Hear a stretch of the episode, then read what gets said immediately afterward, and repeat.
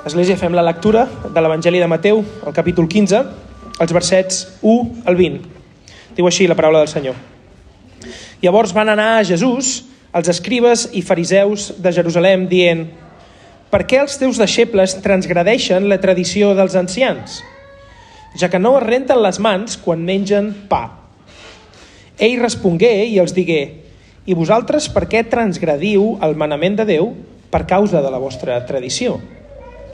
Perquè Déu va manar dient honra el teu pare i la teva mare. Qui maldigui del pare o de la mare, que se'l faci morir. Però vosaltres dieu, el qui digui al pare o la mare, faig ofrena sagrada de qualsevol cosa que de mi us pogués aprofitar, ja no cal que honri el pare o la mare. I així heu invalidat el manament de Déu amb la vostra tradició. Hipòcrites! Bé va profetitzar de vosaltres Isaías, dient Aquest poble s'apropa a mi amb la seva boca i m'honra amb els llavis, però el seu cor és lluny de mi. Però m'adoren en va perquè ensenyen com a doctrines els manaments dels homes. I va cridar a la multitud i els digué Escolteu i enteneu. No és el que entra per la boca el que contamina l'home, sinó el que surt de la boca. Això és el que contamina l'home. Llavors se li van atensar els seus deixebles i li digueren «Saps que els fariseus s'han escandalitzat quan han sentit això?» Ell el respongué i digué «Tota planta que no ha plantat el meu pare celestial serà desarrelada. Deixeu-los, són guies secs de secs, i si un sec guia un sec, tots dos cauran al clot». I Pere respongué i li digué «Explica'ns aquesta paràbola».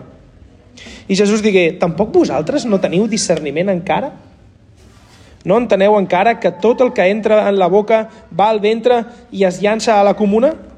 En canvi, les coses que surten de la boca provenen del cor i aquestes contaminen l'home. Perquè del cor provenen els pensaments dolents, els homicidis, els adulteris, les fornicacions, els robatoris, els falsos testimonis, les blasfèmies. Aquestes són les coses que contaminen l'home, però menjar amb les mans sense rentar no contamina l'home. Aquesta és la paraula del Senyor. Hola i benvingut al podcast de Ciutat Nova, una església protestant al barri 22 arroba de Barcelona.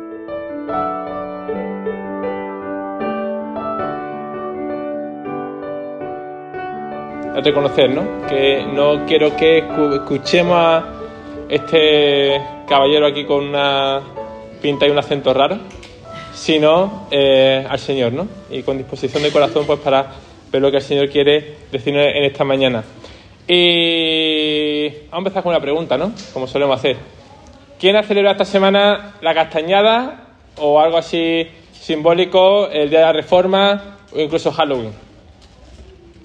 Os veo tímidos. Venga, levantemos las manos. Vale, estoy seguro que de una forma u otra todos hemos eh, celebrado, ¿no? Algún eh, acto que forma parte, ¿no? De una eh, tradición en nuestra, en nuestra familia. Y os digo una cosa, la castañada, por ejemplo, creo que es de las cosas que más me gustan de Cataluña. Y me parece un día súper bonito, y súper entrañable y súper sabroso. Además, porque esos boniatos, esas castañas, esos licorcillos, bueno, da igual. Es una maravilla, ¿no?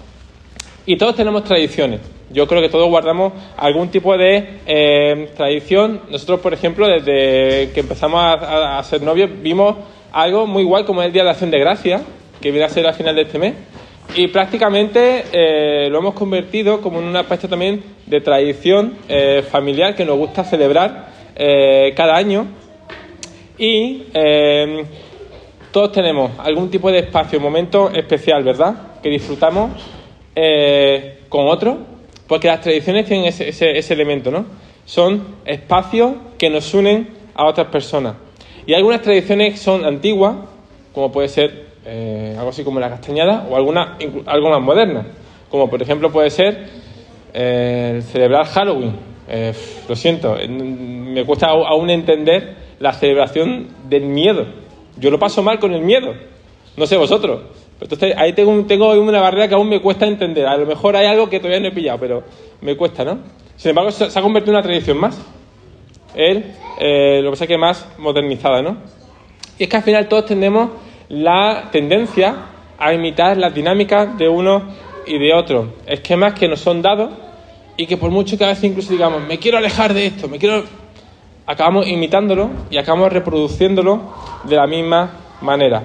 Así que creamos, nos sumamos a esas rutinas, ¿no? Que experimentamos con otras personas y con otras comunidades y las ponemos en práctica. Y hoy vamos a hablar de ese tema también, de las tradiciones. No en cuanto a la celebración en sí mismo, sino en el valor trascendental que le acabamos dando a algunas acciones que son muy cotidianas, pero que sin embargo tienen un impacto en nuestra espiritualidad.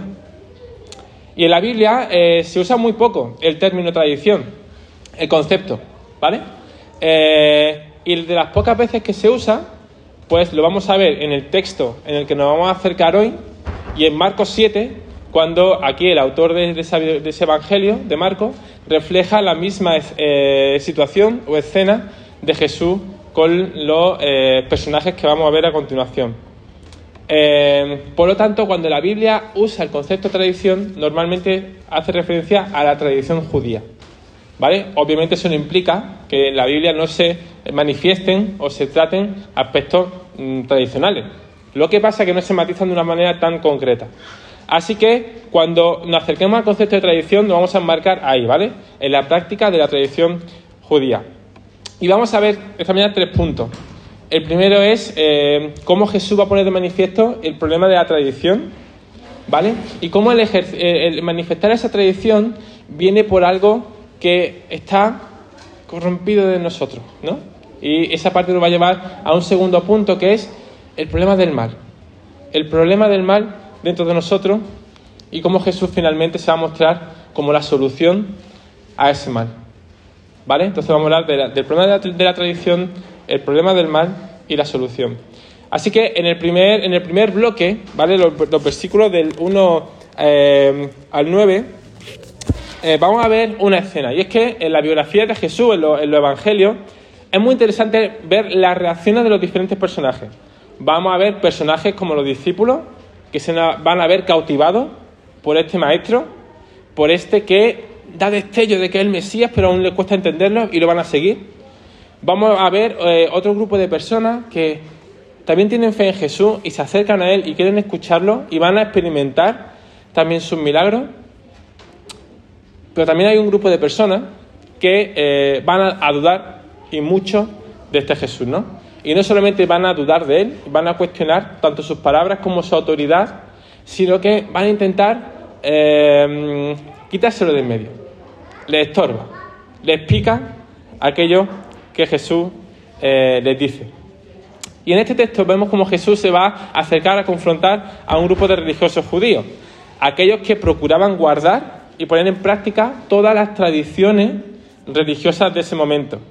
Y eso es paradójico, porque Jesús eh, va a tener más problemas con este perfil de personas, es decir, todo aquello religioso que, que deseaban cuidar, proteger y practicar la ley de Dios, que con aquellos que realmente anhelaban buscar a Dios.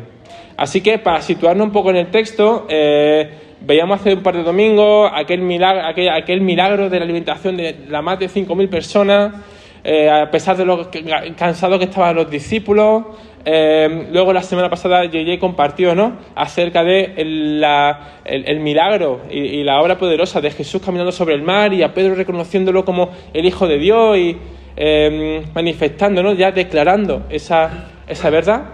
Y ahora vemos cómo en el cruce del mar llegan a un, a un, a un puerto, a un pueblo, se llama Genesaret, ¿no? a una región que se llama de esta manera.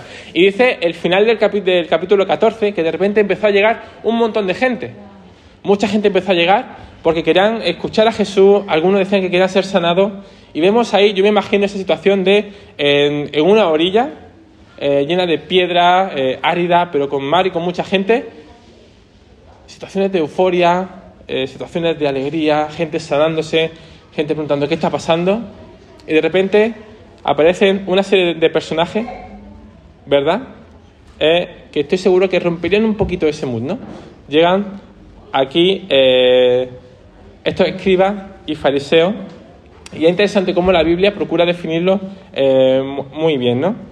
am, para entender un poco quiénes, quiénes eran estos personajes, los escribas, eh, su trabajo principal era ser como una especie de copistas, es decir, eran profesionales que se encargaban de transcribir aquello que otros les dictaban, eh, se dedicaban también a todo lo que son contratos legales, cartas, etcétera, y luego estaban los fariseos, que era un grupo religioso, eh, una secta judía realmente, que era muy atractiva eh, para la, la- la gente porque era muy popular. Es decir, si tú pertenecías al grupo de los fariseos, eras alguien a quien respetar, incluso a quien admirar por el lugar que eh, ocupaban, porque también tenían mucho poder.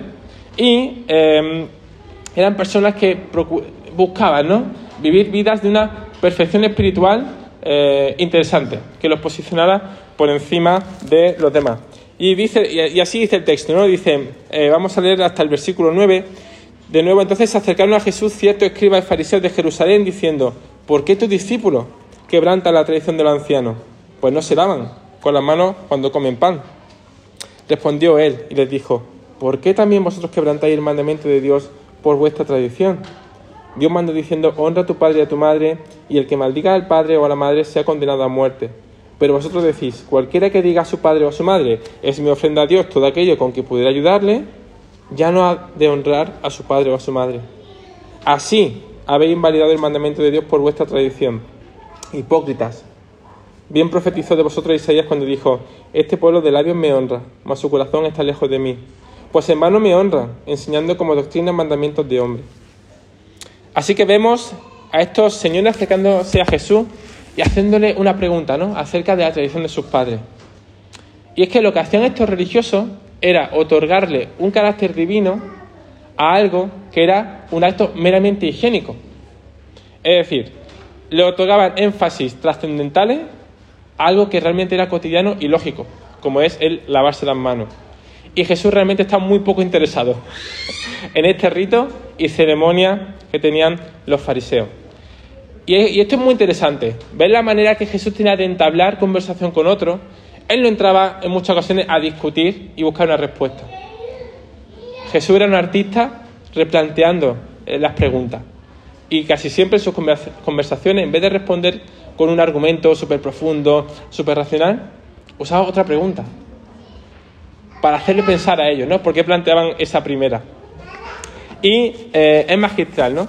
Y aquí eh, vemos como Jesús con esa pregunta desmonta completamente a estos religiosos. Me imagino cómo delante de toda esa multitud Jesús le lanza esta pregunta y cómo ellos se quedan posiblemente atónitos. Algo que es muy curioso es que a pesar de que Dios dejó eh, una ley escrita, lo que es la Torá, en el que creaba un marco muy claro, este grupo de religiosos llegaron a crear hasta 613 leyes por encima de esa. Es decir, si Dios ya delimitó, se puede decir, un modelo de vida, tal, ellos añadieron 613 leyes más. Casi nada. Y esta, por ejemplo, era una de ellas, ¿no? Entonces Jesús aquí no está entrando en una discusión por un tema que para él era superfluo, que realmente no, no era nada que los acercara más al reino de Dios. Y sin embargo Jesús directamente los confronta cara a cara con la ley de Jehová. Y les recuerda un mandamiento como puede ser el quinto mandamiento, ¿no? De la ley que le dio a Moisés. Y mm, quiero hacer una pregunta. ¿Para qué sirve un espejo? ¿Mm? Este es muy tímido, ¿eh? Para vernos, ¿no? Para vernos, para reflejarnos. Y a no ser que el espejo tenga un efecto eh, belleza, como tienen los móviles ahora hoy en día, ¿no? Lo siento, pero en el espejo va a salir lo que sois. El que tenga mejor autoestima dirá, uy, qué hermosura. Y el que tenga una autoestima un poquito más baja dirá, bueno, está bien. Al menos respiro, ¿no? La broma. El, el fin del espejo es reflejarnos tal y como somos. Un espejo te dice quién eres, sin filtro, sin tapujos. Y lo que Jesús está haciendo aquí es sacarle a estos fariseos un espejo moral. Lo que Jesús está haciendo es claramente a aquellos que se crean guardianes y cumplidores de la ley, ¿cómo eran los que menos procuraban su cumplimiento? Y Jesús aquí lo está confrontando directamente con este quinto mandamiento que los está remitiendo a la ley. Y estos dos mandamientos los podemos encontrar en Éxodo, en el capítulo 20, versículo 12, la parte de honra, eh, a tu padre y a tu madre, y la segunda parte en Éxodo 21, 17. Y Jesús está denunciando públicamente cómo estos personajes han dejado de, de vivir la ley. Y no solamente con eso, sino que en ese espejo lo refleja y denuncia quiénes son ellos realmente, cómo están viviendo su espiritualidad realmente, cómo la tradición la han puesto por encima de la ley. Y usa nada más y nada menos que las palabras del profeta Isaías para decirles, hipócritas, y este pueblo con labios me honra, mas su corazón está lejos de mí. En vano me honran, enseñando como doctrinas mandamientos de hombre. Aquí vemos a una serie de religiosos cómo se adueñaban de la ley para adaptarla a sus intereses y a sus deseos personales. Y Jesús aquí está denunciando la práctica de esta tradición por encima de la autoridad divina y bíblica.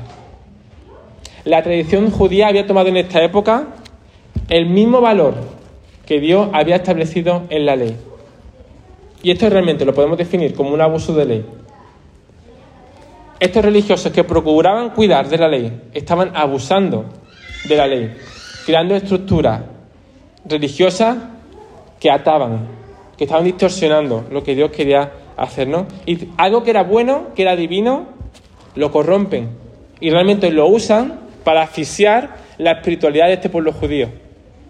Así que Jesús se acerca a este grupo de religiosos para denunciar ese abuso y la mala praxis que estaban teniendo con esta aplicación de la ley. Y aquí es importante entender, vale, pero si Dios nos dio una ley, ¿con qué fin? ¿No? Nos la dio. Dios le entregó esa ley a su pueblo para establecerlo en primer lugar con una identidad. Y era que eran pueblo de Dios. Y como pueblo de Dios, le dijo, y este es el marco en el que nos movemos como pueblo, como nación. Pero también estableció un marco ético y moral en el que vivir, pero también le revelaba una señal, que era que se dieran cuenta del mal que hay en cada uno de nosotros. La ley nos recuerda que hay algo que está mal dentro de nosotros y que la Biblia lo llama realmente pecado, ¿no? Claramente pecado. La ley nos enmarca entonces, en un, por un lado, en un espacio de protección espiritual, acorde al corazón y modelo de Dios, que Jesús mismo no vino a abolir, a abolir, sino a cumplirla. Y la palabra de Dios, ahora mismo reflejada aquí, en nuestra Biblia, en nuestro marco de seguridad espiritual, debe ser nuestra guía cotidiana que Dios crea para cada uno de nosotros. Por lo tanto, cuando empezamos a sustituir la palabra por la tradición religiosa, esto nos sumerge en una realidad envuelta en rutina, humanismo y autoridad moral que realmente no nos corresponde y que establece una exigencia que nos ahoga. Repito, cuando sustituimos la palabra por la tradición, nos sumergimos en la rutina, en el humanismo y la autoridad moral, un lugar que no nos corresponde. Y si algo hace la tradición religiosa, tradición que no estaba solamente aquí en este momento, ¿eh? tradición que vivimos muchas veces cuando venimos aquí a nuestras reuniones. Olvidamos la frescura y el dinamismo que realmente encontramos en el amor de Jesús. La tradición religiosa nos ata, mientras que Jesús nos quiere liberar. Jesús nos quiere dar agua fresca, un agua que sacia, un pan que está sabroso. No hay nada que podamos añadir a esto que ya Jesús y Dios mismo no nos haya dado. ¿Qué ocurre cuando estancamos el agua? Cuando una fuente está estancada, huele, ¿verdad? Huele mal, se pudre el aspecto es sucio. Posiblemente el primer día que creamos eh, un muro, digamos, ¡guau! ¡Qué frescor! ¿No? Si, nos, si queremos beber un vaso de agua recién lleno, qué fresquita, qué sabrosa, qué rica. Si bebemos a un estanque, ¡ah! ¡Qué frescor, ¿no? ¿Qué pasa si dejamos eso parado un mes más? Se corrompe, se transforma. Y aquí me gustaría hacerte una pregunta, ¿no? ¿Cómo estás viviendo tu espiritualidad? ¿Cómo está tu caminar con Jesús? ¿Cómo estás dejando que el Espíritu Santo fluya en tu vida? ¿Te sientes estancado? ¿O te sientes en esa corriente de agua viva de la que habla el Salmo 1? Jesús está confrontando aquí directamente una vida religiosa y que funciona por la inercia. Vivir una vida de tradición religiosa nos aleja completamente del sentido que tenemos como seguidores y como discípulos de Jesús, cada uno de nosotros. Porque el cristianismo se basa en el modelo de Jesús. El cristianismo no se basa en un horario que establece una iglesia. El cristianismo no se basa en una serie de normas que eh, se nos dan impuestas. El cristianismo no se basa en poner en práctica ciertas liturgias y órdenes. Las liturgias pueden ser buenas, porque dan orden, nos pueden dar estructura. Pero cuando toman un carácter rudimentario, cotidiano, nuestra espiritualidad, se estanca. ¿Cómo venimos cuando, hablamos, cuando nos acercamos a la confesión? ¿Confesamos porque es lo que toca? ¿Declaramos la gracia porque es lo que toca?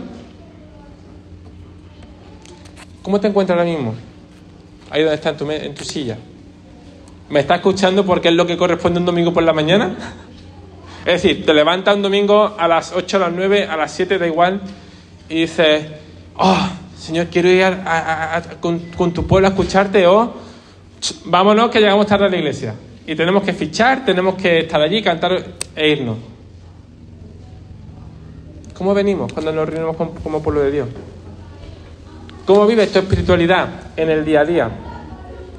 La vida en Jesús debe ser una vida fresca, dinámica, libre, porque no está controlada por normas morales humanas, sino que desea ser movida por la frescura del Espíritu, por la brisa que trae el Espíritu, por la palabra que se mueve alrededor nuestra.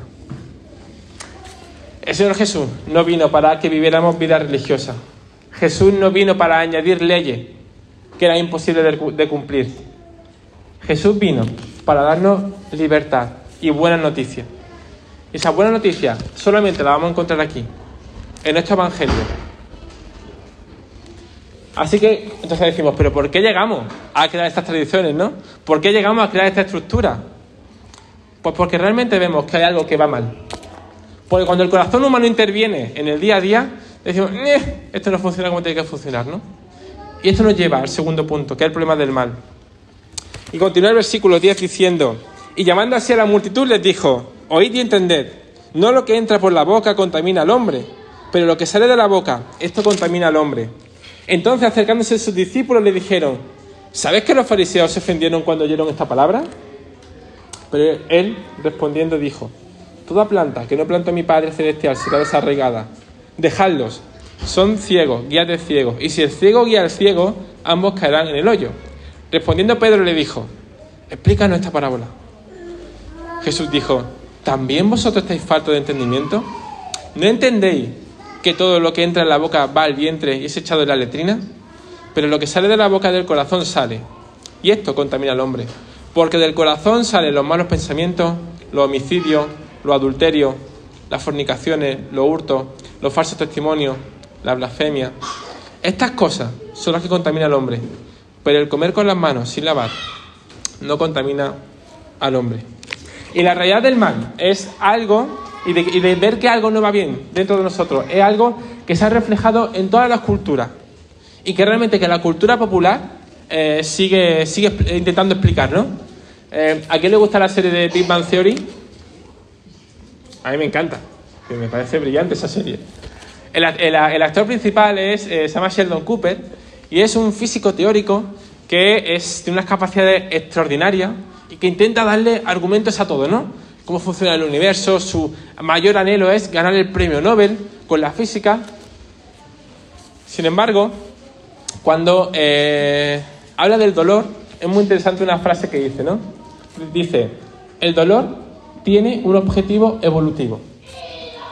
Dice, el dolor aporta información de que hay algo en nuestra conducta que no funciona.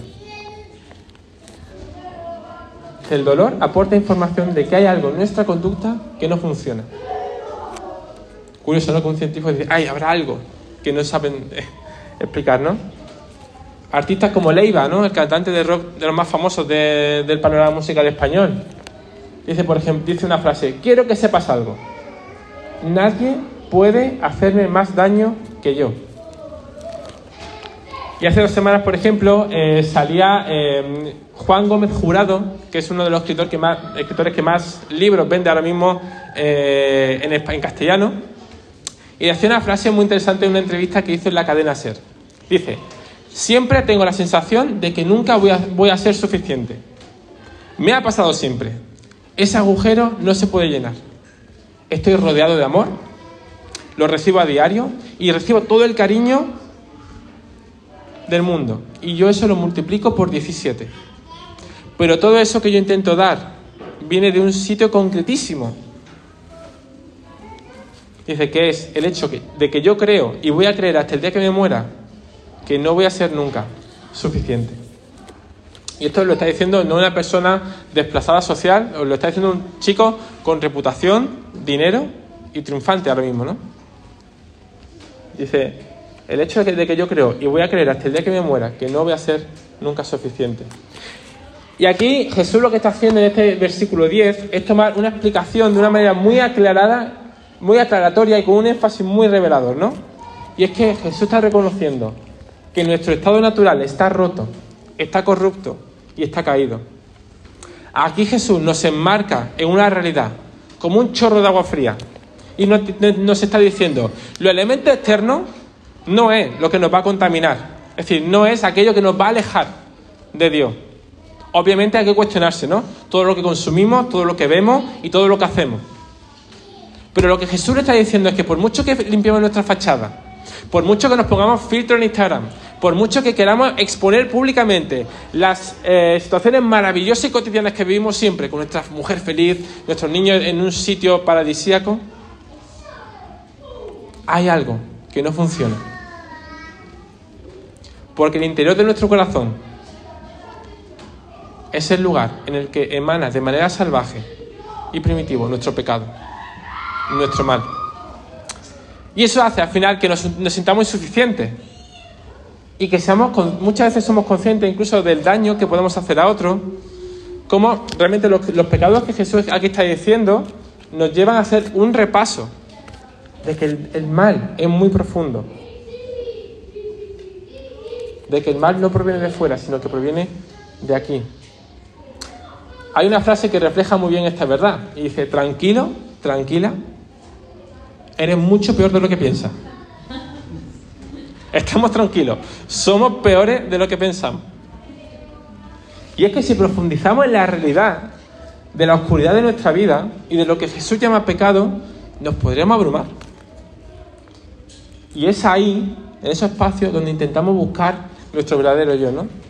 Es ahí, en esa oscuridad, donde intentamos controlar nuestros deseos o controlar a otro con el fin de buscar nuestros propios intereses.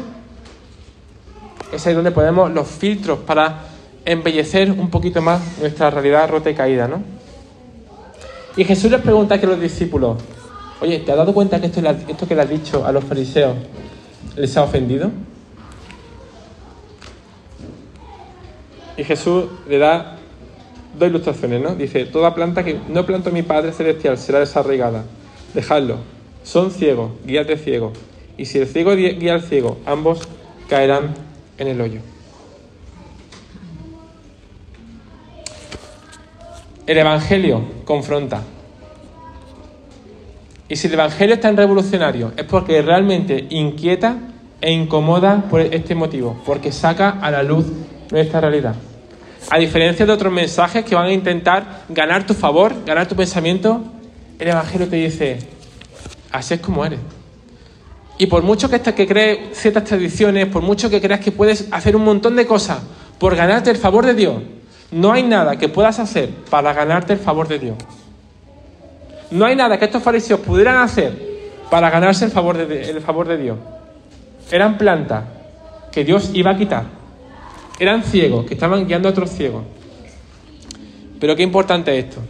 El Evangelio da luz a esta ceguera. Y si realmente quieres ver la luz de Jesús en tu vida, tienes que acercarte a Él y reconocerlo como su Señor. El Evangelio saca a la luz tu realidad y mi realidad. ¿Alguien sabe lo que es un histograma? Por casualidad. Aquí Paul dice que sí, Rubén dice que más o menos. ¿Vale? Un histograma es un gráfico que usa barras, ¿vale? Para simbolizar cómo afectan a, una imagen o a, cualquier sistema eh, todos esos datos. Por ejemplo, en la fotografía, no sé si alguna vez habéis tomado una foto con una cámara, veis que hay un cuadradito con muchas líneas que va de blanco a negro, eh, que da, os da una información, es decir, ¿esto para qué será? Pues eso es un histograma, ¿vale? Es decir, en, ese, en, ese, en esos gráficos os marca todo el en ese espectro la información que hay en esa foto.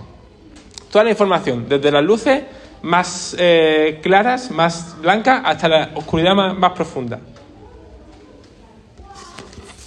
El versículo 19 es el histograma que Dios usa para explicar la profundidad de nuestro pecado. Porque desarrolla todos aquellos males que salen del corazón humano. claro, aquí cuando nos acercamos a, todos estos males, podemos decir, a ver, Juan, pero vamos a ver, que yo no mato. Eh, yo no soy adúltero. Yo quiero a mi mujer o a mi marido con locura, hasta la muerte. Y jamás le pondré los cuernos. Yo de falso testimonio, ¿no? de vez en cuando me guardo alguna verdad, pero mentir nunca. Y la honestidad, mm, vamos, yo soy el más íntegro en mi curro. Los folios que me llevo a casa son algo que me sobra. Jesús aquí nos enmarca en todas las implicaciones que tiene el pecado en nuestra vida. Jesús aquí nos está diciendo, esos homicidios que tú haces no son solamente cuando matas a alguien, es cuando le haces daño a tu hermano. Es cuando destroza una vida por una mala decisión. Esa fornicación no la practicas solamente con una infidelidad física. Eso lo haces cuando consumes pornografía. Cuando buscas, tu propia autosatisfacción en la intimidad de tu cuarto. Es cuando desnuda a un hombre o a una mujer por la calle y lo desea o la desea. Los falsos testimonios es cuando también nos guardamos la verdad. Y aquí Jesús nos está revelando, el pecado afecta a todo y cada una de las áreas de tu vida y los espacios en los que tú ocupas. Y no solamente aquello que hacemos, sino también lo que somos. El pecado te afecta a ti por cómo eres. El pecado afecta a nuestro deseo y voluntad. Y es lo que hace que muchas veces tengamos que esconder y nos tenemos que ocultar en una realidad paralela. Y para eso construimos fachadas, construimos ciertos ritos en nuestro día a día para manifestar cuán buenos somos o qué bien hacemos ciertas cosas.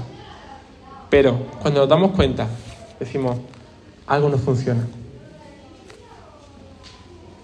Y es verdad, no podemos dar respuesta al mal o al sufrimiento que recibimos o generamos porque el impacto del mal es tremendamente profundo.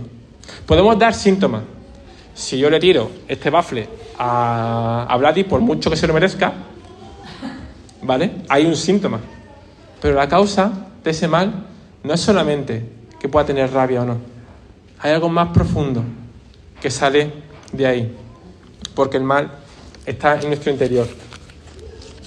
En Romanos, el capítulo 7, los versículos del 19 al 25, Pablo lo expresa muy bien. Estamos hablando de eh, uno de los grandes eh, divulgadores del Evangelio. Una persona escrupulosa en seguir a, Jesús. Un modelo realmente a seguir. Sin embargo, él dice lo siguiente, en Romanos 7, del 19 al 25, dice, no hago el bien que quiero, sino el mal que no quiero, eso hago. Y si hago lo que no quiero, ya no lo hago yo, sino el pecado que está en mí. Así que, queriendo yo hacer el bien, hallo esta ley, que el mal está en mí. Pues según el hombre interior, me deleito en la ley de Dios. Pero veo otra ley en mi miembro que se revela contra la ley de mi mente, que me lleva cautivo a la ley del pecado que está en mis miembros. Miserable de mí. ¿Quién me librará de este cuerpo de muerte? Gracias doy a Dios por Jesucristo nuestro Señor. Así que yo mismo con la mente sirvo a la ley de Dios, pero con la carne a la ley del pecado. Y lo que aquí Pablo está diciendo es, por mucho que intento practicar y seguir a Jesús, practicar la ley de Dios, hay algo en mí que me dice, no funciona. Tu tendencia natural es seguir hacia todas aquellas dinámicas que nos alejan de Dios. Pero qué emocionante, es como dice, pero gracias por el Señor Jesucristo. Y es que estoy diciendo, madre mía, Juan, vamos a salir de aquí escardados, ¿no? Qué malísimos somos. El Evangelio nos da buenas noticias ante esa realidad.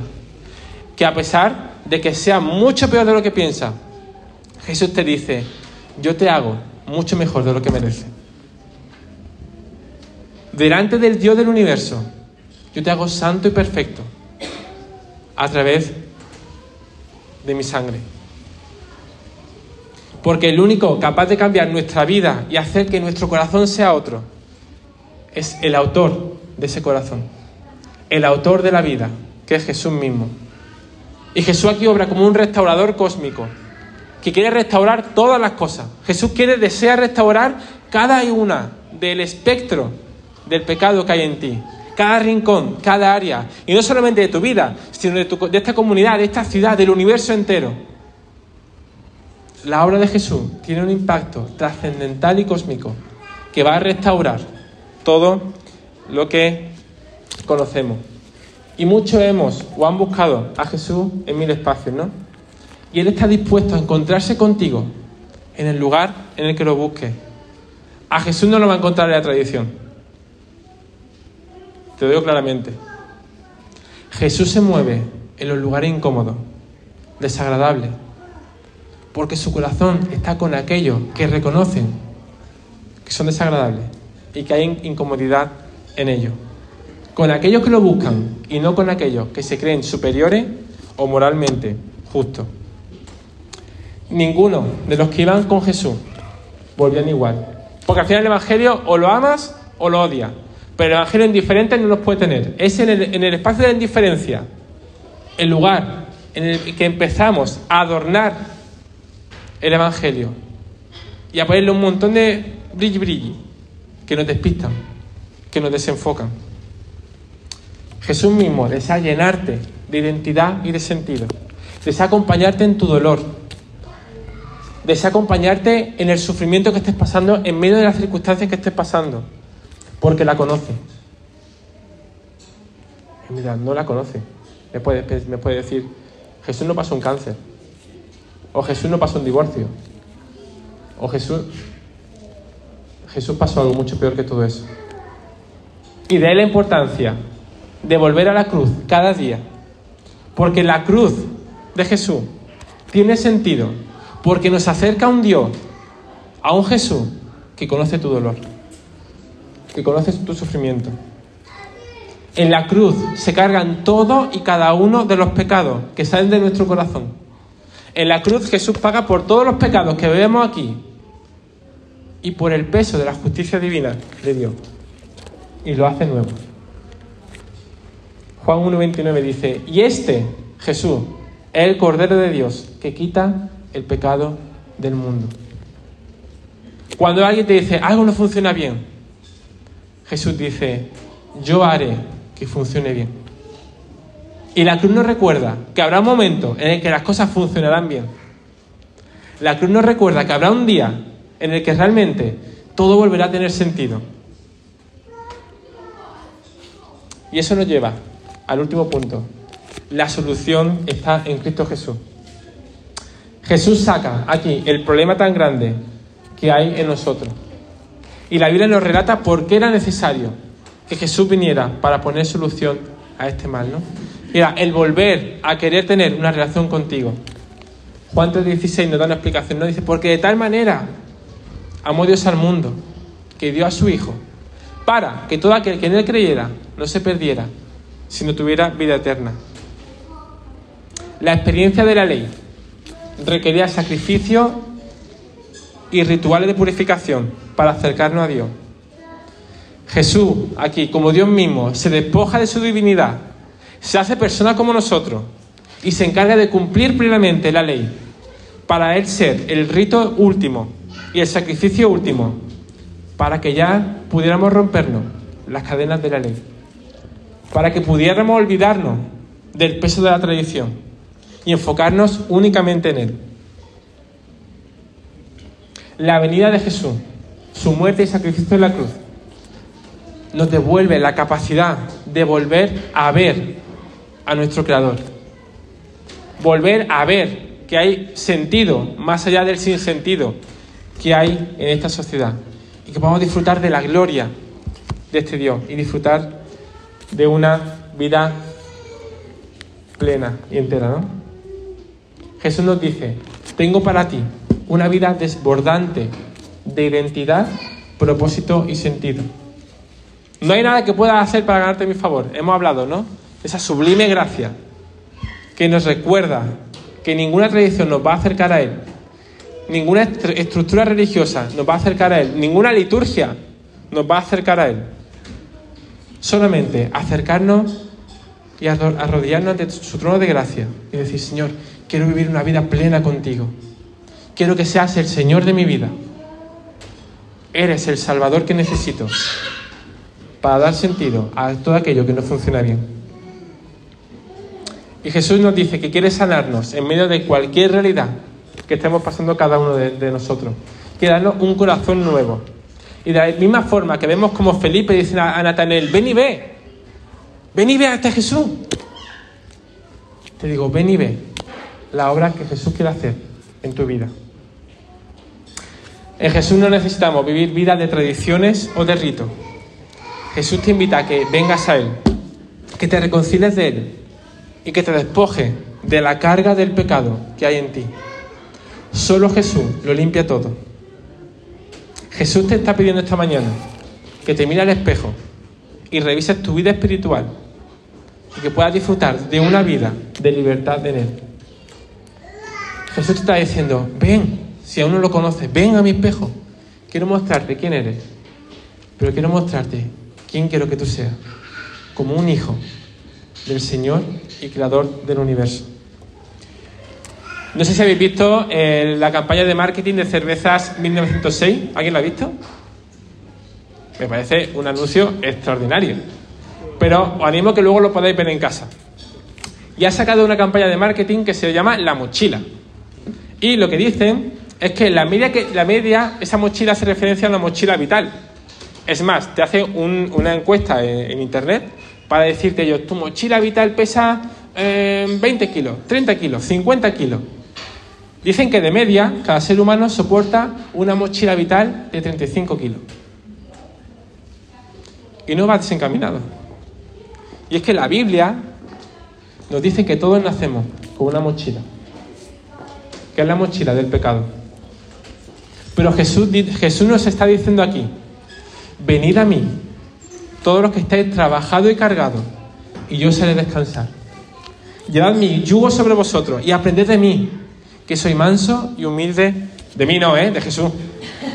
Que soy manso y humilde de corazón, y hallaréis descanso para vuestra alma, porque mi yugo es fácil y ligera mi carga. Jesús desea liberarnos de esa mochila vital con la que venimos. Y solo Jesús puede liberarnos del yugo de la tradición. Solo Jesús puede limpiar todo lo que hay en tu vida y dar sentido a aquello que no funciona. Solo en Cristo tenemos libertad y solo en Él vamos a encontrar una vida plena en abundancia. Gràcies per escoltar aquesta predicació. Si tens preguntes respecte al seu contingut o vols tenir una conversa sobre l'Evangeli, no dubtis en contactar-nos. Escriu-nos o visita'ns a www.cn22.org.